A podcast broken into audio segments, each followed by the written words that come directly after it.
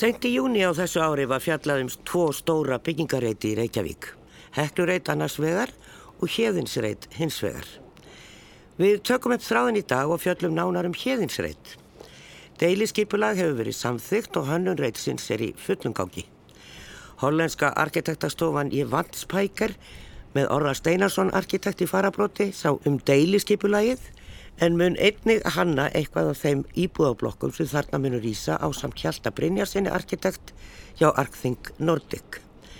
Síðan kemur THG arkitektar við sögu líka.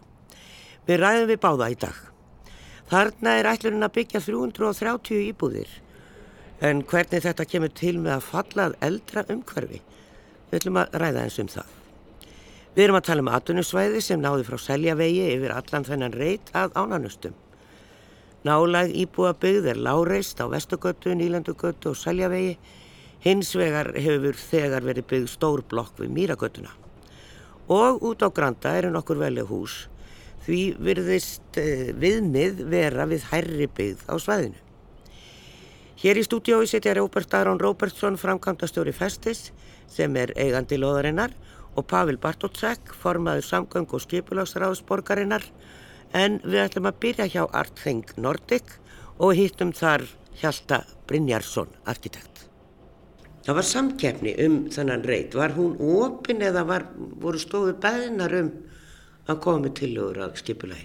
Já, þetta var svona svo kvöldu lókusamkeppni þar sem voru fjórar arkitektstofur sem tóku þátt og hérna haldir bara af lóðarhafanum og við vorum hlutskarpastir í henni og fengum því að halda áfram með þetta spennandi verkefni.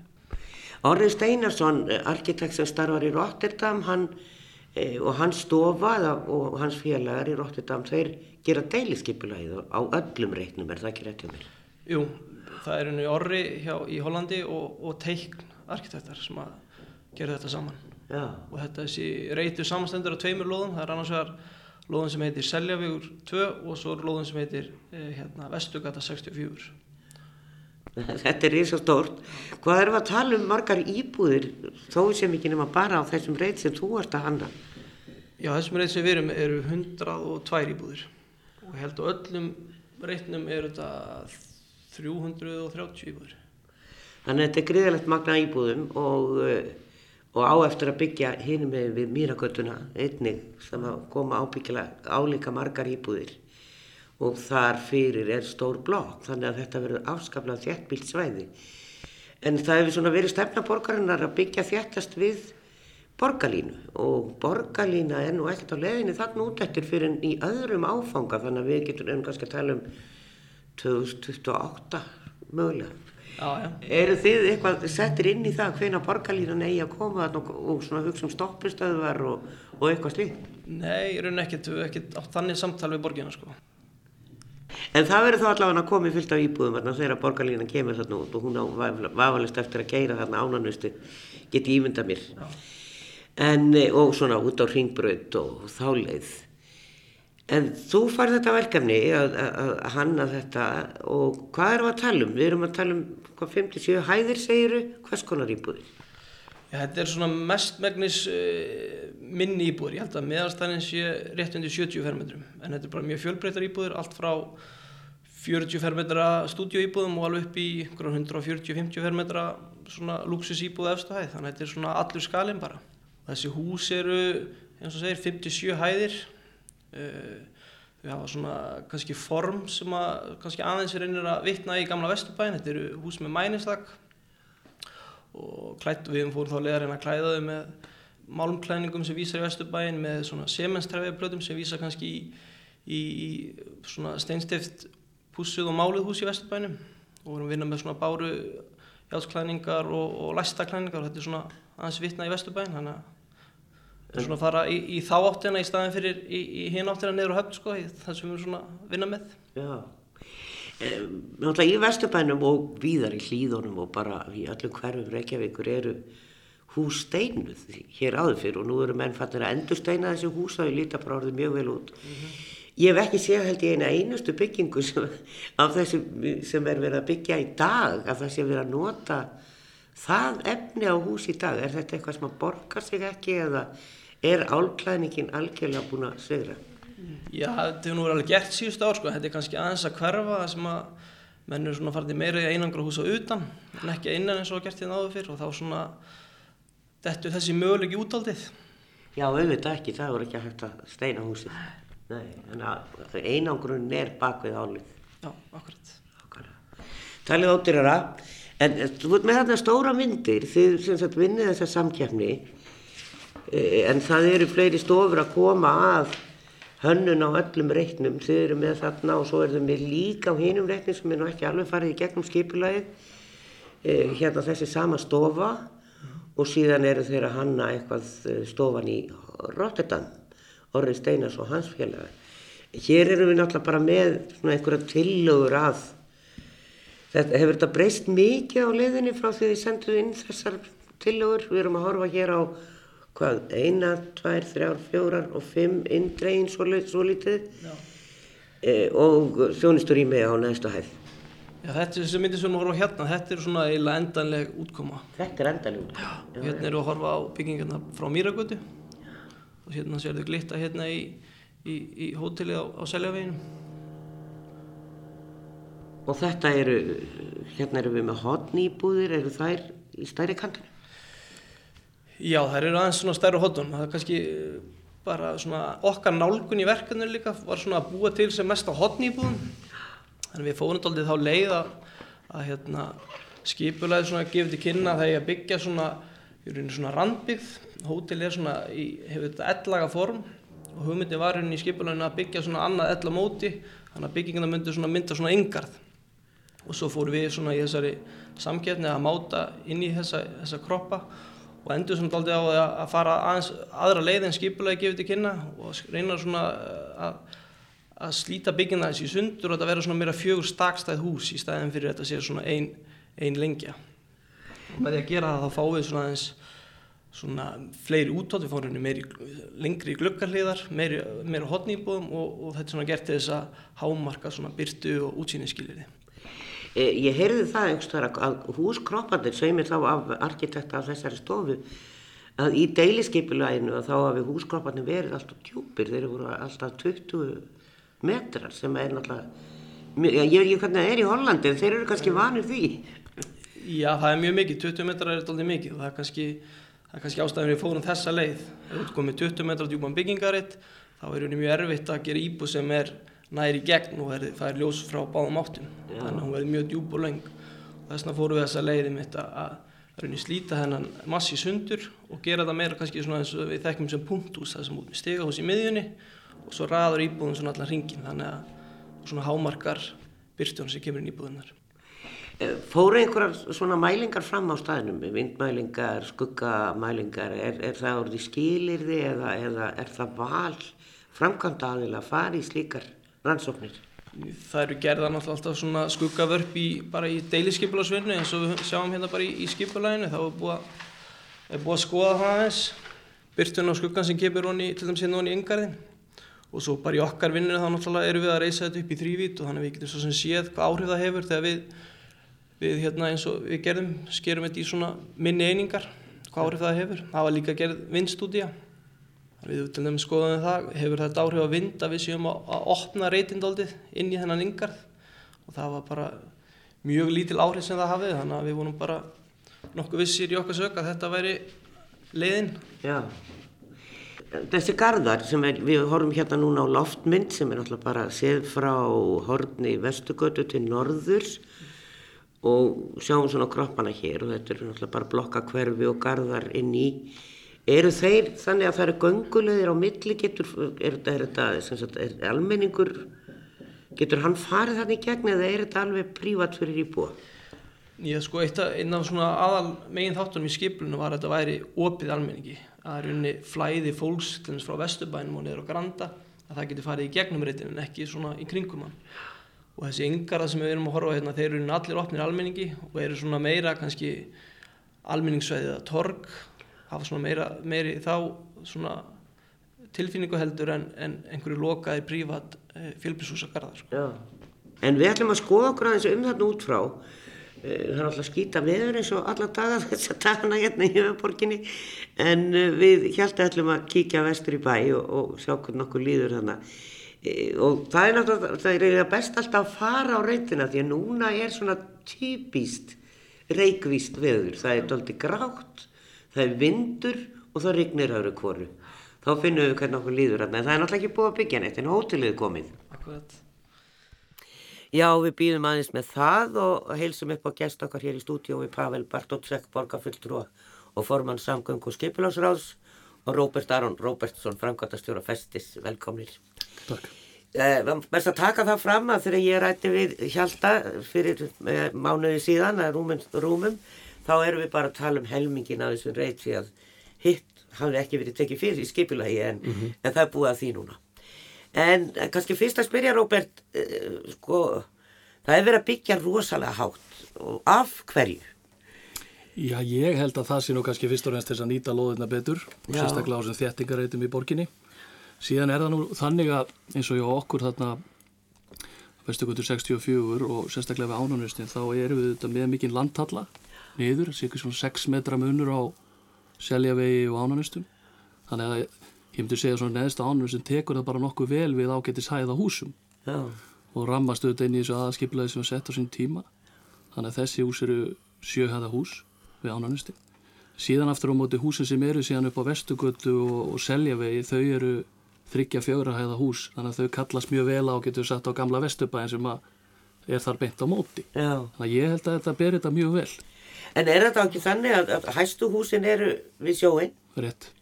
Og, og þá eru hins svona dálítið falin á bakvið? Jú, jú, ég meina það er auðvitað bara tóltið önnur, eh, það er bæðið auðvitað skjól frá þessum húsum, er sterkur norðanátt sem kemur Já. þarna beint Já, guðsastat já, náðu og svo ertu þá líka bara í miklu svona getur þess að smerri skala, þú ert eh, þá með meira svalir til söðus og svo ertu þá bara inn í þessum gamla vestubæ, Já, þannig að það er auðvitað alltaf spurning hver, hver gæðin eiga að vera. Já, en ég held að það sé ágætis, ágætis jafnvæði þarna. já. Pavel, settu þið einhver sérstök skiliri, það er mænist takstaðan og það hefur komið frá ykkur í rauninni eða skipulæginu? En nú er þetta náttúrulega kannski verkefni eldar heldur en aðkoma mín að því sem formars en það er auðvitað alltaf þannig að borgin setur hérna, mikið af skilurum nú til dags þegar við hönnum uh, rauninni ráðust í skipula og svona reytu, sérstaklega reytum sem svona stóra umfangi á svona mikið stöðum. Þannig að það er bæði auðvitað, mjög ídaleg skilurum og hönnarhaldbók sem fylgir með og, og hérna síðan eh, einnig skilurum er inn í þá að, að það skulle skila tekningum bæði fyrirfram og síðan loka tekningum til skipils og samgönguráðs e, til þess að svona, það sé möguleik að fá eitthvað, einhver endurgjöf á þær hugmyndir sem þar liggja fyrir. Þannig að það er svona nokkuð mikil aðkoma kannski borgaðiðvalda að því að hvernig loka útlitt á þessu er hátta en auðvitað þá hérna, er lóðarhafin alltaf sem, sem kannski leiðir verkefnið hérna, með sínu stansattálki Já. Nú er, eh, sko, þessu var breytt af því að eh, ætla orri sem við heyrum í og eftir að að hans, hann og hans stofa hafi, þau byggðu þetta svona á evróskum stíl, þetta sem við þekkjum randbyggð í fyrirning og garður inn í. Og þá ertu náttúrulega með svolítið plás og en þetta er búið að slíta þetta og garðarnir er verða minni í rauninni hverjum, við hverja blokk. En, en maður fór að hugsa byttur ekki miklu meiri sólinn í garðin ef að þetta er byggt bara í fyrirning svona eins og við þekkjum frá Evrópu Jú, jú, en, en það var líka lagt mikið upp með það í, í þessu ferli með borginni og við vorum algjörlega sammála því að þetta sé svona göngu ás milli hverfa. Já, Þannig verður yngarðurinninni algjörlega opinn almenningi. Það eru sterkir göngu ásar frá norður til suðus og austus til vestus.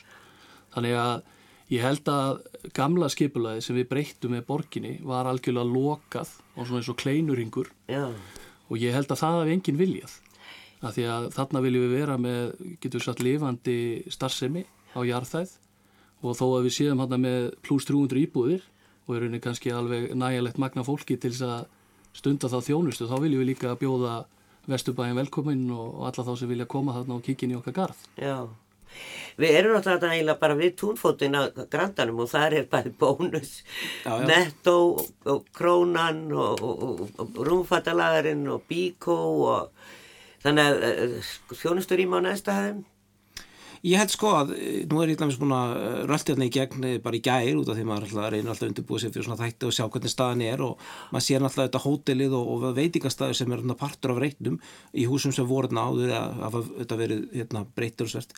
Þau eru risinn. Maður sér þetta mögulegan á lífi sem getur fæst yfir hérna stað og það er kannski rétt að, að hérna það eru þetta ákveði rými sem svona hótel og íbúabíð kallar á það kannski þarf ekki endilega að vera sko ráftækjaveslun hún það verður kannski erfitt að keppa við hérna Elko, ég er ekkit vissum að Elko flíti sína stafsemi af grandunum þangað, en það eru þetta mjög marg svona stafsemi sem við vitum að fer mjög vel saman með hótelum sem er þetta sveitingastæðir, minniveslanir og svo framvegs. Já. Þannig ég held að hérna, þetta geti verið hérna, nokkur fyrir svona áfangastæður á þessum stæði bænum ef þetta hefnast vel. Ég, ég bara tek undir þetta Pavel, ég, sko við höfum ekki hort á þessi atvinnurými sem við erum að fara að gera þarna sem neina kvöða okkur. Nei. Við sjáum þetta bara sem tækifæri til þess að búa þá til einmitt einhverja einhverja svona, einhverja starfsemi sem þjónar okkar íbúum umfram það sem er í nærumkörfinu. Ja. Og síðan auðvitað þegar við horfum á COVID og, og við horfum á aukna, getur við sagt, fólk vinni meira heima, meiri veslun á netinu. Við viljum geta haft það þannig að fólk geti panta sér á netinu og það er eitthvað sem takja mót þessu það er líka, held ég bara stór mála almennt í þessu að ef allir er að byggja um sína heimsendingar á milli 5 og 7, hvað gerir það fyrir umferðina Já. þannig að við viljum geta brúa þetta bil Já. og þannig að ég hef ekki neinar ágjörð þessu en þetta verður bara vel hefnað og fólk muni sjá þetta sem virðus aukandi þessu þjónust á jarðhæðinni og viljið þá búa þarna. Og við horfum á þetta þannig Mér er kannski að þess að bæta einu við að því að sko bara sem ég segi alltaf þetta er alltaf partur á ákveðinu þróun sem er á þess að stað í borgum að við erum með gömul yðnaðsvæði sem smá svona vikja þá fyrir stafsemi sem nýti plásu betur sem eru íbúður og þjónusta. E, og ég held að þetta geti líka sko haft þau áhrif að sko allt þetta fólk sem er aðna, hvort sem það mun bú, fólki sem býr aðna nú þegar að fólk sem mun bú aðna eða hótelgestir munu vilja fara í bæin og þau munu velja það oft held ég að fara í bæin gangandi og munu þá nýta vesturkvötuna þannig ég held að þetta þessi uppbygging geti líka haft það áhrif að lífka meir upp á vestugötuna sem er í grunninn sko gata sem liggur mjög vel því að vera bara nokkuð skemmtilega veslunar og hérna, veitingagata en hefur þetta öll svo stjórnast að hefur smá svona horfið vegna þess að hún hefur bara rauninni verið í ákveðin svona jæðir í borgaran ja. með þessu þá svona og ég ætla bara að varpa fram þeirri sko draumsina ég sæði fyrir mér bara vestugötuna sem sko ef ekki göngugötu þá allavega næstum því þegar að hérna, við sjáum breytinga á þessu svæði til lengdar þegar að hérna, fólk mun þá vilja bara lappi bæin og upplöfinga þjóst á leiðin en ekki endilega ganga frá bílu sem er lagðir á gangstetta höllum. Já, rokkarlega. En Orri Steinarsson er stattur í Rotterdam, hann vinnur hjá eða rekur stofið þarna úti og er með fjöldanallana verkefnum hér á Íslandi og þetta er nú ekki fyrsta sinn sem við heyrim hjá honum. Góður sæl Orri? Kom til sæl líka. Hæ. Og e, við erum hérna að spjalla um svona reytina héðinsreit eins og veist og það er svona ímislegt voruð á góma meðal annars að þarna var e, sko de, deiliskypilæðin í rauninni breytt. Þið gerir þetta svona í, í, í randbyggð, í ferðning eða ring. E, það er búið að slíta það í sundur. Hvernig e, var það í saminu við ykkur eða hvernig líst ykkur á þessa tillögu þá? Hún er náttúrulega samþygt.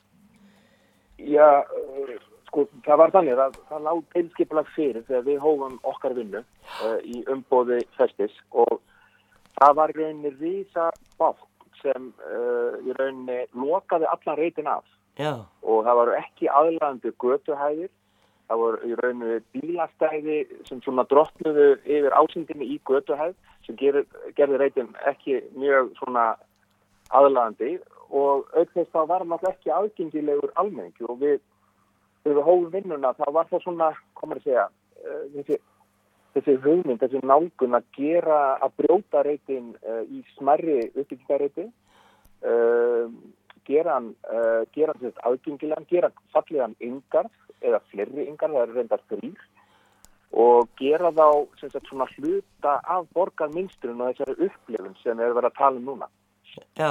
Þannig að, það, Þannig að þetta, þessi, þetta fyrsta deiliskypula það er enn eldra. Þú ert að segja mér það? það þetta þetta lokaða deiliskeipula? Já, það var hjúgrunaheimli og íbúðir. Uh, þetta var deiliskeipula frá 2007 en það minnir rétt. Já.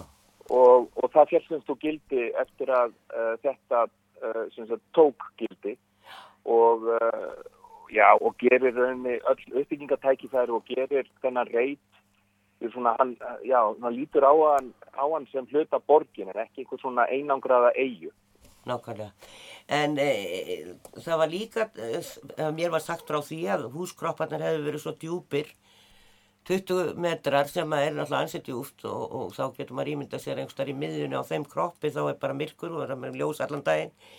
En þá fór ég að velta fyrir mér húsunum í Hollandi sem eru öll einhvern veginn svona mjó og djúb, er, er það rétt hjá mér? Og það sé einhver fyrirmynd? Nei, sko ég rauninni við þessar íbúðargerðir sem við vinnum með, hvort sem við vinnum þar hér í Hollandi eða, eða Reykjavík í rauninni íbúðargerðina sem slíkar og uppbyggingin og, og hvað liftum er komið fyrir og hvað dagspyrta kemur inn í húsin.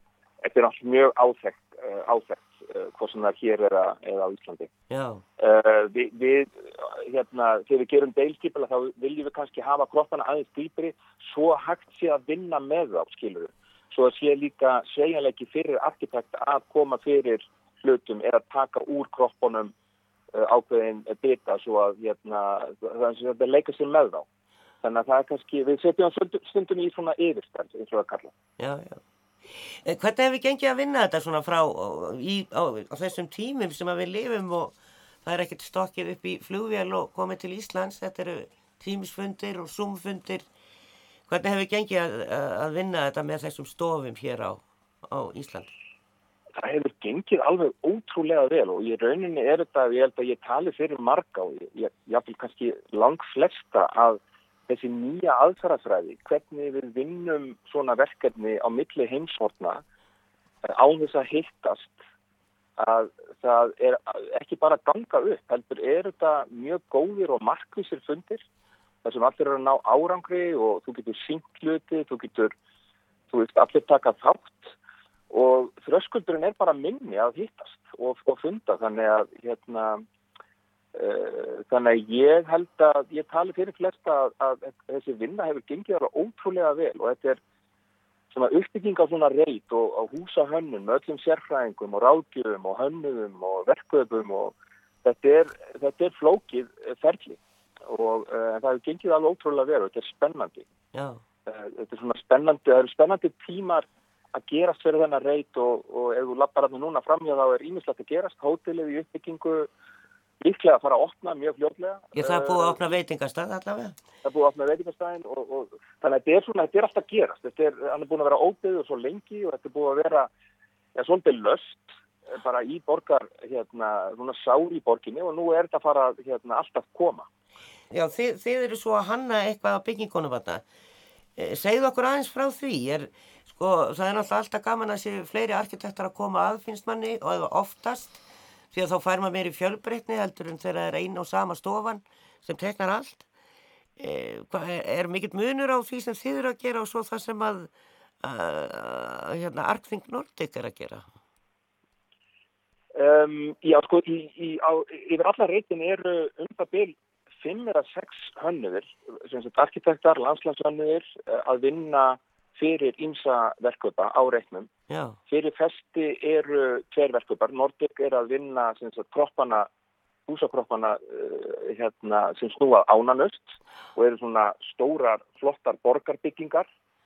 Uh, við fengum það tækifæri að, og það verkefni að hanna húsin sem snúað vestugötu annars vegar og hins vegar er lítið hús sem snýr sem er inn í yngarðuna sem, sem, sem, sem skilgreinir yngarðana þjá skilgreinir öngulegur og í þessu yngarshúsi kemur hérna einhver skemmtileg og lifandi starfsefleg sem svona blæs lífi inn í reytin og hverfi uh, húsin á húsin eru tölvöld ólík það sem við erum að gera við vestugötuna Þetta eru smágerð hús á meðan húsin sem Nordic er að hanna ánanöst við ánanöst eru svona stórgerðari og já, já. þannig að það er kannski svona meginmunurinn og, og hérna en við erum öll að vinna sama markmiðinu og öll að við raun að vinna að svona sömu leiðbenningunum sem við lögum upp með í hönnunahandbók sem við svona hengtum við deiliskeipulags skilmála við, við svona fjettum inn í deiliskeipulagi sem er kannski svolítið nýmali, það eru svona leiðbenningar fyrir arkitekt, við erum ekki að íþingja eða, eða, eða flækja, heldur svona eru það að ramma inn þau gæði sem við viljum ná fram í, í deilkjöflunum og í, í endalögum hérna lausnum. Eh, Þetta hljómar ágætna orri en ég veit að þá- þið eru komið svo mörg verkefni svona í lokin hér á Íslandi að þið ætlið að reynlega opna stofu hér í höfuborginni. Heyrðu, Það, það vil þannig til að í gerð voru að ganga frá samningi um, um leigu og húsnæði. Í, hérna, og það er á svæðinu, á grandarsvæðinu í, eh, hérna, í sjáaklasanum sem við erum alveg sérlega ánæði með. Við horfum ekki bara út á kanalinn hérna í Rotterdam frá skrifstofun okkar heldur ef við erum í Reykjavík þá horfum við út á höfnina og tóarana Já, og svo erum við bara að fara að leita flottu fólki og það fyrir að gerast núna um helgina og fyrir auglýsing í blöðin uh, í frekkarlæð og, og hérna, það, það eru spennandi tímar fyrir okkur. Við, við viljum, þrátt fyrir að við séum hér og í góðu sambandi gegnum Teams eða Síma eða hvað annað að þá viljum við þjóna okkar verkefum enn betur með því að vera á staðnum og, og, og manna okkur í Reykjavík. Orri Steinarsson, arkitekt í Rotterdam, þakkaði kjærlega fyrir. Takk fyrir Þetta er, eh, já, er, þetta er alltaf fleiri og fleiri sem er að koma að þessu verkefni heyri maður og það eru náttúrulega fleiri framkvæmdaðilar. Það er ekki bara festir. Já, það, nei, nei, það er rétt. Það er annars vegar festir sem er þá með þess, að getur við sagt eh, 200 og eitthvað íbúðir. Svo er það þessi seljaföðu 2 Já. sem er þá með eitthvað um 100 íbúðir. Þannig að þetta verður eitthvað yfir 300 íbúðir. Og bara svona til líka til að setja í samengi þá eru við annars vegar, eh, höfum við farið þá leið að vera með tvo arkitekta, tvo til þrjá, það er að segja það sem að Horri og félagar eru með THG með sér á vestugutu lutanum. Svo eru við með Arctic Nordic á ánanöstunum.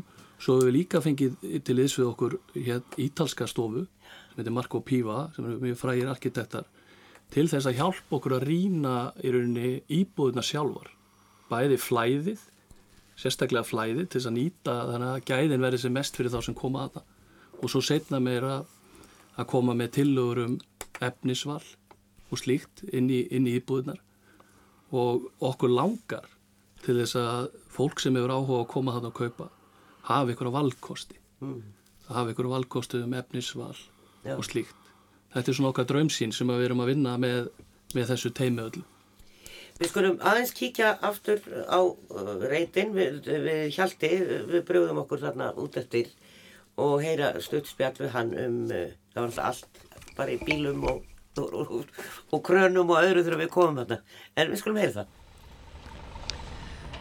Hér vestur í bæ við Ánanaust og bak við hót, nýja hóteli hér við Sæljavegin sem að var jú uh, velsmíða hérins lengi vel og það er komin veitingastæður veitingin á þetta hótel og það hann heitir hérinn veitingastæðurinn kom ekkert annað til greina við stöndum hérna neðan við hóteli sjáum aftan á það og það er ég veit ekki hvort að fólk mann það það er svona þetta er uh, byggingin er í rauninni fyrir hotn og ég man eiginlega ekkert eftir því hvað var þarna í þessu húsi. Fyrir utan að það var náttúrulega loftkastalinn var í hótelinu og langt skeið og síðan var svona lægri bygging bakvið og fór undirgöng og, og hún var náttúrulega tekin og rifin og þar voru svona ýmsið sem störfið. Þetta er horfið, núna er þetta bara stærðar en að byggingalóð og hér eru stærða kranar, þrý kranar hér, flutningabílar og allt á fullu. En þetta er nú ekki komið langt, þetta er rétt bara verið að steipa upp plötuna. Já, þeir eru bara hérna búinir að fleiga og sprengja og eru bara að byrja að steipa hérna bílakjallara. Já. Og hvað farið þið langt niður? Og þeir fara einhverja, hvað millir þrjá og fjóra metra niður fyrir svona þetta yfirborð sem við sjáum hér. Og eh, sko við stöndum hérna á, á, á götu sem að er svona bara bílastæði. Ég hef nú veltaði fyrir mig hvað tilkvæmst þessi gata var. Af því að hún næri ekkert, hún lokast bara, þetta er eins og botlangi, er það ekki rétt hjá mér? Eða, eða næri hún út á? Ég Hún stoppar bara hérna. Já, hún hverfur, það verður byggt hér, alveg út að ánanistum. Já, þessi neðri reytur hérna, lóðum sem heitir Vestugata 64, hún verður hérna byggð hérna alveg út að, að þessum, þessum vegi hérna sem við þekkjum sem heitir Ánust. Þannig að þessi litli hérna vegur, hann munur hérna hverfa.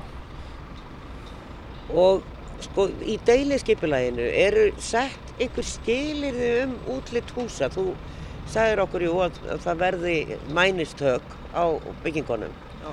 Var, kom það í deiliskypulægi eða er það ykkar ákvörðun? Nei, það er rauninni í deiliskipunum, það er rauninni bara rauninni hvöðum að þessi hús hafi þetta form.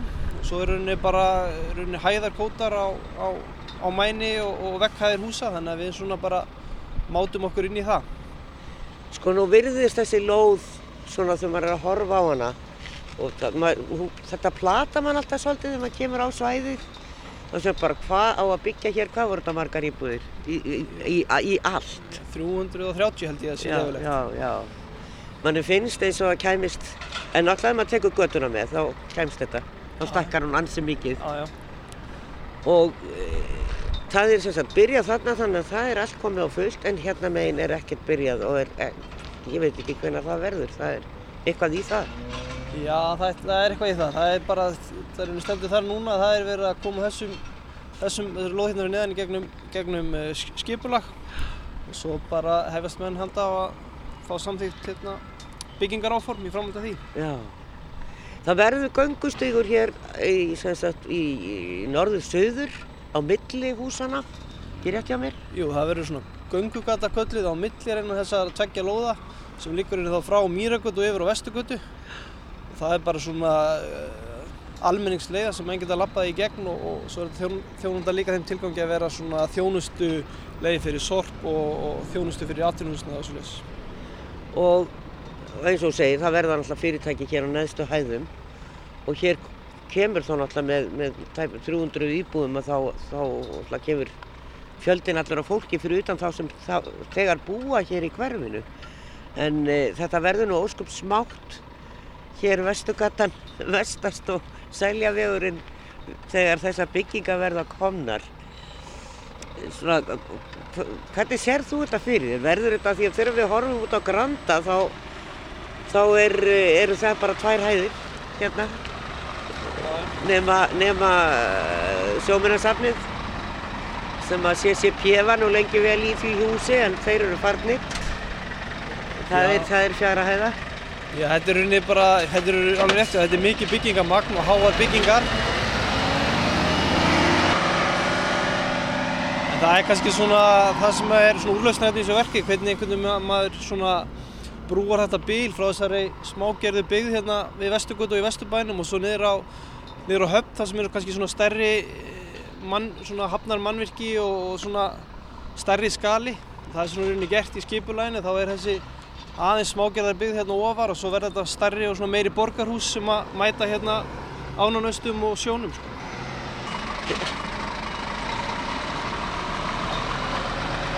Hann þurfti að bakka, þetta er ekki smá trukkur sem er þarna. Átt að dekja bíl, það er svo lítið. Nú, en útsýni hér úr blokkinni, þegar þessum blokkum þegar það koma hérna, þá er það, þó að sé nú ekki mikið að sjá hér í dag, það er þungbúið. Við sæjum Esjuna ef það væri heiðskipt og gott veður og út á Snæfellsnes. Þannig að það var búast við að þær verði svolítið dýrar, þessar íbúði sem að verða þarna á efstu hæðum. Já, ætli það ekki, get ég myndað með það? Já, já. Nú, og 40 fermetra stúdíóíbúðir eru þær þá á neðstu hæðum eða hvernig hugsið þetta? Nei, nú, þær eru nú bara á öllum hæðum, svo er nú kannski á tveimur efstu hæðunum fara íbúðuna kannski aðeins að verða stærri Já, og efstu hæðum þá er það komin á kannski þessar já. Sko, þetta er rétt byrjað og það er verið að eh, sprengja fyrir bílakjallara. Hvenar eru, er einhverju búin að setja svona, já við ætlum að vera búnir hvað, til tvö ár? Já, það er oftast eitthvað svoleiðis, Já. tvö ár sem þetta tekur. Já. Og hversu vel fylgist arkitektinn með framvindu mála? Við reyn- Sleppir þú bara hendina teknikonum og, Já, við reynum að fylgjast með og allt sé gert eftir eins og á tekningunum. En já, það er oft svona, maður mætti vera meir oft. og mætti oft vera meira. Það er náttúrulega talað um að það séu gerð mistök í uppbyggingu, menn er að flýta sér á mikið. Eh, Er það vegna þess að samskiptin við verktaka og verkhaupa og, og arkitekt og, og náttúrulega þær stofur sem að, sko, náttúrulega verkfræðistofur sem koma alltaf að hverju verki, vantar samvinnu þannig. Ég held að mín tilfinning er nú að samvinnan er oftast mjög góð sko. En það eru bara, það eru mörg sjónamið sem þarf að, að uppfylla. Það eru sjónamið okkar sem hönnuða og, og, og borgarinnar og svo, svo lóðarhafa og verkkaupa. Já. Þannig að þetta er bara samvinnurkveitni og það gengur nú oftast bara mjög vel sko. Það verður öðri sem að litast hér eftir tvö ár og uh, við skulum vona að þeir fylgi svolítið í kjölfari hérna á hinni lóðinni. Þannig að þetta standi nú ekki yfir í mörg mörg ár hér að þeir verið að byggja. Nei, ég, ég grunn nú að þetta bara muni ganga nokkurnu veginn smurt fyrir sig og þetta er taka við hérna vonandi bara leið og hinn er klára. Sagði Hjalti Brynjason arkitekt á Arking Nordic sem að saminast hefur norskri arkitektastofu svo það má nú eiginlega segja verkefni sjóðurlandi alþjóðlegt. Bæði Holland og Norrur þarna inn í myndinni. En, Og Ítalía. Já, og Ítalía, segjum, og svo Ísland. En e, þetta er eins og ég segi, þetta er mikil hannu sem þarf að fara þarna fram og við vorum að tala um bílastæða kjallara. E, þetta ber alltaf á góma núna, sem, sem staðir er verið að byggja bara engi bílastæði eins og ég vist storpinu upp í, á Göfnesi. E, en og það er nú langt út úr bænum í sjálfu sér allavega ennþá og lítið um strætisvagna. En e, þarna er reiknað með bílastæði fyrir alla. Nei, ekki fyrir alla. Nei, Það verða svona, getur við sagt, þrý fjórðu já. sem hafa aðganga bílastæða í kjallara. Já. Þetta er náttúrulega tilvæmlega staður að búa án bíls í Já, rauninni. algjörlega, algjörlega. Kemst í allt. Já, hann hafði, ég minni að það sé mitt 0,75 stæða íbúa meðaldali á í tveimur kjöllurum fyrir neðan, eða ekki hérna stærstu reytin, en þannig er þetta líka eins og segja hótel sem hefur verið, þetta er þjónust þess að almennt kemst upp með til dæla lítið að bílastæðum, þannig að mm. held ég 230 herbyggi sem, sem er gert ráð fyrir, þannig að e, það er vissulega þannig, en þetta er svona nýleg, þetta er okkar svona samskangu stefna núna og ef við kannski implementum hann ekki þarna, þá veit ég hvar, þetta er eins og segi í sko 5-7 mynda fjarlag frá austurvelli. Og út af því að við nefndum hérna borgarlínun áðan, það er bara skip ágætt að koma því að það er það vissulega þannig að þessi leggur, samt leggurinn frá miðbarnum og af rauninni granda, hann hefur komið vel út í svona mælingum hvort það sé gott að leggja borgarlínuna. En við megum ekki gleyma því að borgarlínan er ekki upp á vendi alls, borgarlínan er bara sér akrina fyrir strætó. Þetta keiri strætó í dag og það er ekkert sem kemur í veg fyrir að strætó geti keirt að áfram. Þannig að það er ekkert ein, sko, við skulum ekki segja fólki verðum að býða í 7-8 ár áður en stíður um borð í almenningssangur, svo er alls ekki. En ég kannski ídreka líki latri á þessum stað eru sko, kannski ekki beint tengingar við almenningssangur, heldur góðar tenging farið gangand og hjólandi. Og ég verða að segja mér finnst það að tekist vel til í hönnur reytsins til dæmis með að staðsetja hjólastæði á jarðhæði þannig að það sé auðvelt fyrir fólk að komin með hjóli sín fyrir ekki að geima þau annarkort sko á svölum eða neðarlega kjöllurum því að við vitum að það er líki latri til þess fólk noti hjólin en það getur geimt þau hratt. Já, það er rétt.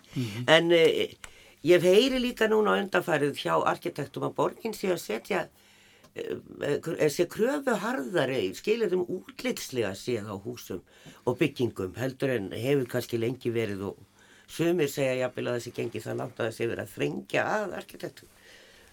Já, sko skipulagi eðlisinu er þrenging að arkitektum. Það er í rauninni bara eðli það sem skipulagt er. Ef þú, myndir vil ekki vilja þrengja neitt að arkitektum þá þyrst ekki að setja skipulag. Þá myndum bara kaupu breyt og sér myndum byggja einn sátt og burða þól hérna versus sko markasæðastöður myndum leifa. Þannig að það er alltaf þannig. E, það kann að vel að vera að það sé hérna og það eru svona ólíka skoðanur því ég er svona person alltaf verið svona frekar á þeim vegina með nættu að hafa kannski lausarhendur varandi hérna útlýtt en, en það eru líka þau sjónamið að við erum kannski betri, myndi ég segja, að verða að þétta byggð. Vegna þess að hérna, alltaf þegar við þéttum byggð þá er mjög mikið sjónamum varandi nærumhverfi. Og ef að við hérna einfallega gefum fólki algjörðu lausa taumin og það getur gert hvað sem er varandi útlitt, efnisval, hæðir húsa þá munu öll þessi verkefni endanum lend út í skurðu vegna anstöðu íbúi þannig að það er svona held ég grunn ástæðan fyrir því að við erum að setja svona aðeins meiri kröfur á það hérna með hvað það hætti hönnun innan byggingar háta það er þess að koma til móts við raunni þarfir nærumhverfisins. Talandi um, um eitt gaggrínu annara íbúa.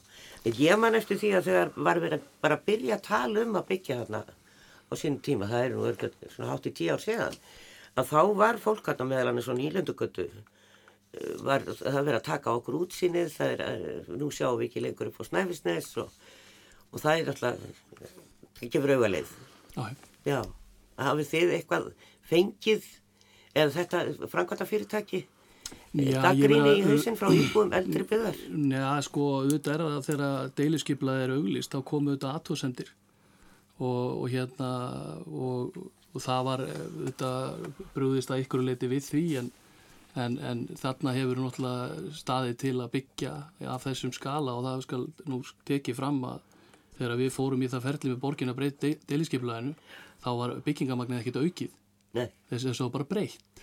Til eins betra. Já Þannig að ég held að þegar að þetta verður nú komið á koppin og verður búið að byggja þá held ég að allir þarna sem búa þarna nálat munu njóta, njóta þess sem þarna kemur. Já, en það er sem, sem, sem segja hver á útsýnið. Já, Já, já. það er alltaf búið að stela því svolítið í Reykjavík, svona getur við sagt, minnst á háhísum niður við alla skólagötuna og Já. þannig að maður sér ekki lengur ofan af skólaverðarhaldi út á sjó. Já, það er þetta uh, kannski að einhver liti rétt en með þetta er náttúrulega einhver liti eðli þéttingar uh, byggðar og þegar fólk býr í hérna miðri borg þá náttúrulega getur þau kannski ekki vænstilis að umhverfið þeirri kringu verði alltaf það sama og það hefur verið og hérna það er auðvitað stefna okkar að þetta byggð og það er skinsalmögt að gera á jáðarsvæðum miðborga það sem er hérna mikil þörfraunin eftir og eftirspunn eftir nýjum íbúðum og, og hérna aðrunhúsnum. Eh, Það var, hafa verið, sko, að því að tala við Hjalta í byrjun, eh, í sendi júni Mm. og þá var ekki búið að skipulag, eða þessi samþykjast deiliskeipulagið og öllu þessum reynd, en það er allt komið í gegn, ekki? já, sko það er í rauninni þannig að það eru, það eru nú komin sko eitt og hálft ár síðan að deiliskeipulaði var samþygt. Já. Uh, síðan er það auðvitað þannig að við, erum, við höfum verið að hanna núna og höfum kynnt fyrir, höfum unnið það bara nokkuð þétt með, með skipulasviðinu uh, síðan snemmi vor. Og svo núna fyrir stuttu síðan var þetta kynnt fyrir skipulasráði sem svona fyrstu plön. Uh, verið að svona, getur við sagt, sparki dekkin með, með hérna hvernig þetta deiliskeipula var sett upp og hönnun handbókin og fleira. Og þá eru við á þeim, getur við sagt eftir að það er komið, þá eru við búin að leggja inn umsóknum byggingaleifi uh, sem er þá doldið á grundveldi bílakjallarans. Er, og við, við væntum þess að fá það núna mjög fljótlega Já, þannig að við getum þá hafið í jarðinu við tekum nokkra mánuði og svona meðan það er í gangi þá tökum við svona loka, loka skrefið í hönnuninni með, með skipilarsviðinu og, og, skipilarsráðinu en, en þetta, er, þetta er, ég myndi svona líta þannig á það að, að núna er þetta orðið me, miklu meira svona svona dítelar uh, sem að verið að vinna með, með skipulaginu. En, en svona á grundvöldi þannig að deilisskipulagi liggur alveg fyrir og við erum til dæmis að því að við megum byggja þarna 228 íbúður ég hugsi við endur kannski 210 við erum ekkert að full nýta íbúa fjöldan en auðvitað verðum við reyna að nýta uh, fermetrafjöldan Já. svona ef að það hefnast þannig að, þannig að þetta er bara allt í góðu ferli núna já. og vonandi ef þetta gengur eftir þá getum við kannski verið upp á áramótum að byrja að steipa Það er bara það, kannski, þannig að þessi tvö ár sem við töluðum um er kannski raunsætt. Já, ég meina svona, getur við sagt svona bjart sín, bjart sín von okkar er að geta afhengt þetta fyrstu íbúðinir í ásök 2023. Já, það er það. Það er svona staðan. Pavel, uh, það er líka áætlað að byggja á Mýragötunni, Já, uh, norðamegin við götuna og uh, þar er núna stór lóð, alltaf maður getur gengið þarna nýra höfninni. Þannig var Daniel Slippur og annað og, og það er eitt pínlítið gama steinbær sem, er, sem að verður þarna inn í einhverjum inngarði held ég, lítur að vera hann er friðar og, uh, en það er verið að vinna eitthvað í skipulagi já, en svona þetta er alltaf vestubutti sem er þetta líka við hlýðina við höfum nú samtíkt það og uh, það er svona komið ákveða ferli en Já. svona ég, nú bara, já það er mann ekki alveg nákvæmlega hvað staðan er á þessum reit en við gerum ráð fyrir þetta alltaf einn af bara þróunareitum Já. á þessu svæði sem gerum ráð farið í, farið í, í, í uppbyggingu. Já, það er náttúrulega komin þarna stór blokk uh, sem er byggð reyndar í svona fyrirning og er alveg lók, maður bara ekkert inn þar, það er bara Einmitt. mjög loka. Einmitt. En svo að því að við nefnum hérna og það er bara mjög mikilvægt að ræða fagfræði og með hvað það hætti sko hérna, við köllum stáfið byggða sem fyrir er að það er auðvitað búið að byggja svolítið á þessu svæði ég menna seljavegurinn hínum einn við hérna raunin héðsreitin er, eru ný hús sem eru svona byggði í svona ákveðum kallast á okkur bárjótt stíl og eru svona 3-4 hæða og mér finnst að það bara hefnast hérna nokkuð vel og kallast vel á við byggðina, jafnvel betur heldur en sumt sem hefur verið sko byggt á nokkrum ánum þar undan. Þannig að það er svona sannanlega takkifæri til að gera vel og hérna falla vel að Já. stílnum. Það er mjög, fa- einmitt mjög ný, fallið nýbygging timburhús sem er þarna hotnir á Hildugötu og, og Sæljavegi, mm. uh, nýrið sér hús. En þá kannski aðeins bara stutt í lokið rápið, klæðningarnar, eh, ég heyri líka, þú veist, bara hjá almenningi og líka hjá mörgum arkitektum, ál, ál, ál. Já, já. Já. Já, já. Ég veit þetta er mjög praktíst og en að því að það nú að góma að því að það búið að flytja þetta viðtal við hann hjálta einu sinni e, steining og að því að það er svona reikvísk klæðning og það ringdi mig bónd upp í sveit og hann sagði mér að það væri sko alveg hægt að, steina hús þó að einangrun væri að utan ég selði ekki dýrað en ég kefti það Nei, nei, ég meina það er auðvitað bara, það er auðvitað sjálf sér allt hægt í þessu. Já. Og það er líka alveg hægt að gera búrkerfi utan á einangrun. Það er eins og ekki reynstu vel. Nei, Þannig að það getur verið doldið snúið að, setja svona klæningar utan á einangrun. En við erum í okkar, við erum ekkert komin á neitt, neitt loka punkt með þetta. En ég gerir ráðfyrir ánöstarhúsin, þessi borgarhús við Já. sjáasíðuna, verði klætt áli. Það er náttúrulega mjög Það er svo- gengur þarna á land. Já, já, það er mjög praktíst og bara uh, gott upp á viðhald að gera fyrir íbúana. Uh, síðan erum við að skoða svona ymsa möguleika á Vestugutuhúsunum og það er nú þannig að þetta er mjög falleg, fallegt hérna, þetta yngarshús sem að er að hönnunin byggir algjörlega á húsi sem stóð þarna fyrir ykkur hundra áru síðan og heitir Ívarsel, heit Ívarsel. Þannig að það verður, við erum núna til dæmis bara að leita að uh, timbri sem að uppfyllir sko brunavarnir og hlera. Við erum að reyna að finna, finna efni til þess, að, til þess að geta algjörlega kallast á við fortíðina þar. Og svo erum við að skoða alls konar mismunandi klæningarefni upp með vestugötunni. Það er sement, svona semestrefjaplötur, það er eitthvað ál og, og þannig að þetta er bara í vinslu. Og við erum líka að skoða bárjótt þar sem kallar mjög vel á við, við nærumhverfið. já, nákvæmlega. Eh, Þetta verður spennandi. Pavel Bartótsek, borgarfylltrú og Róbert Aron Róbertsson, framkvæmtastjóri. Takk fyrir. Kæra þakkir. Takk sem leys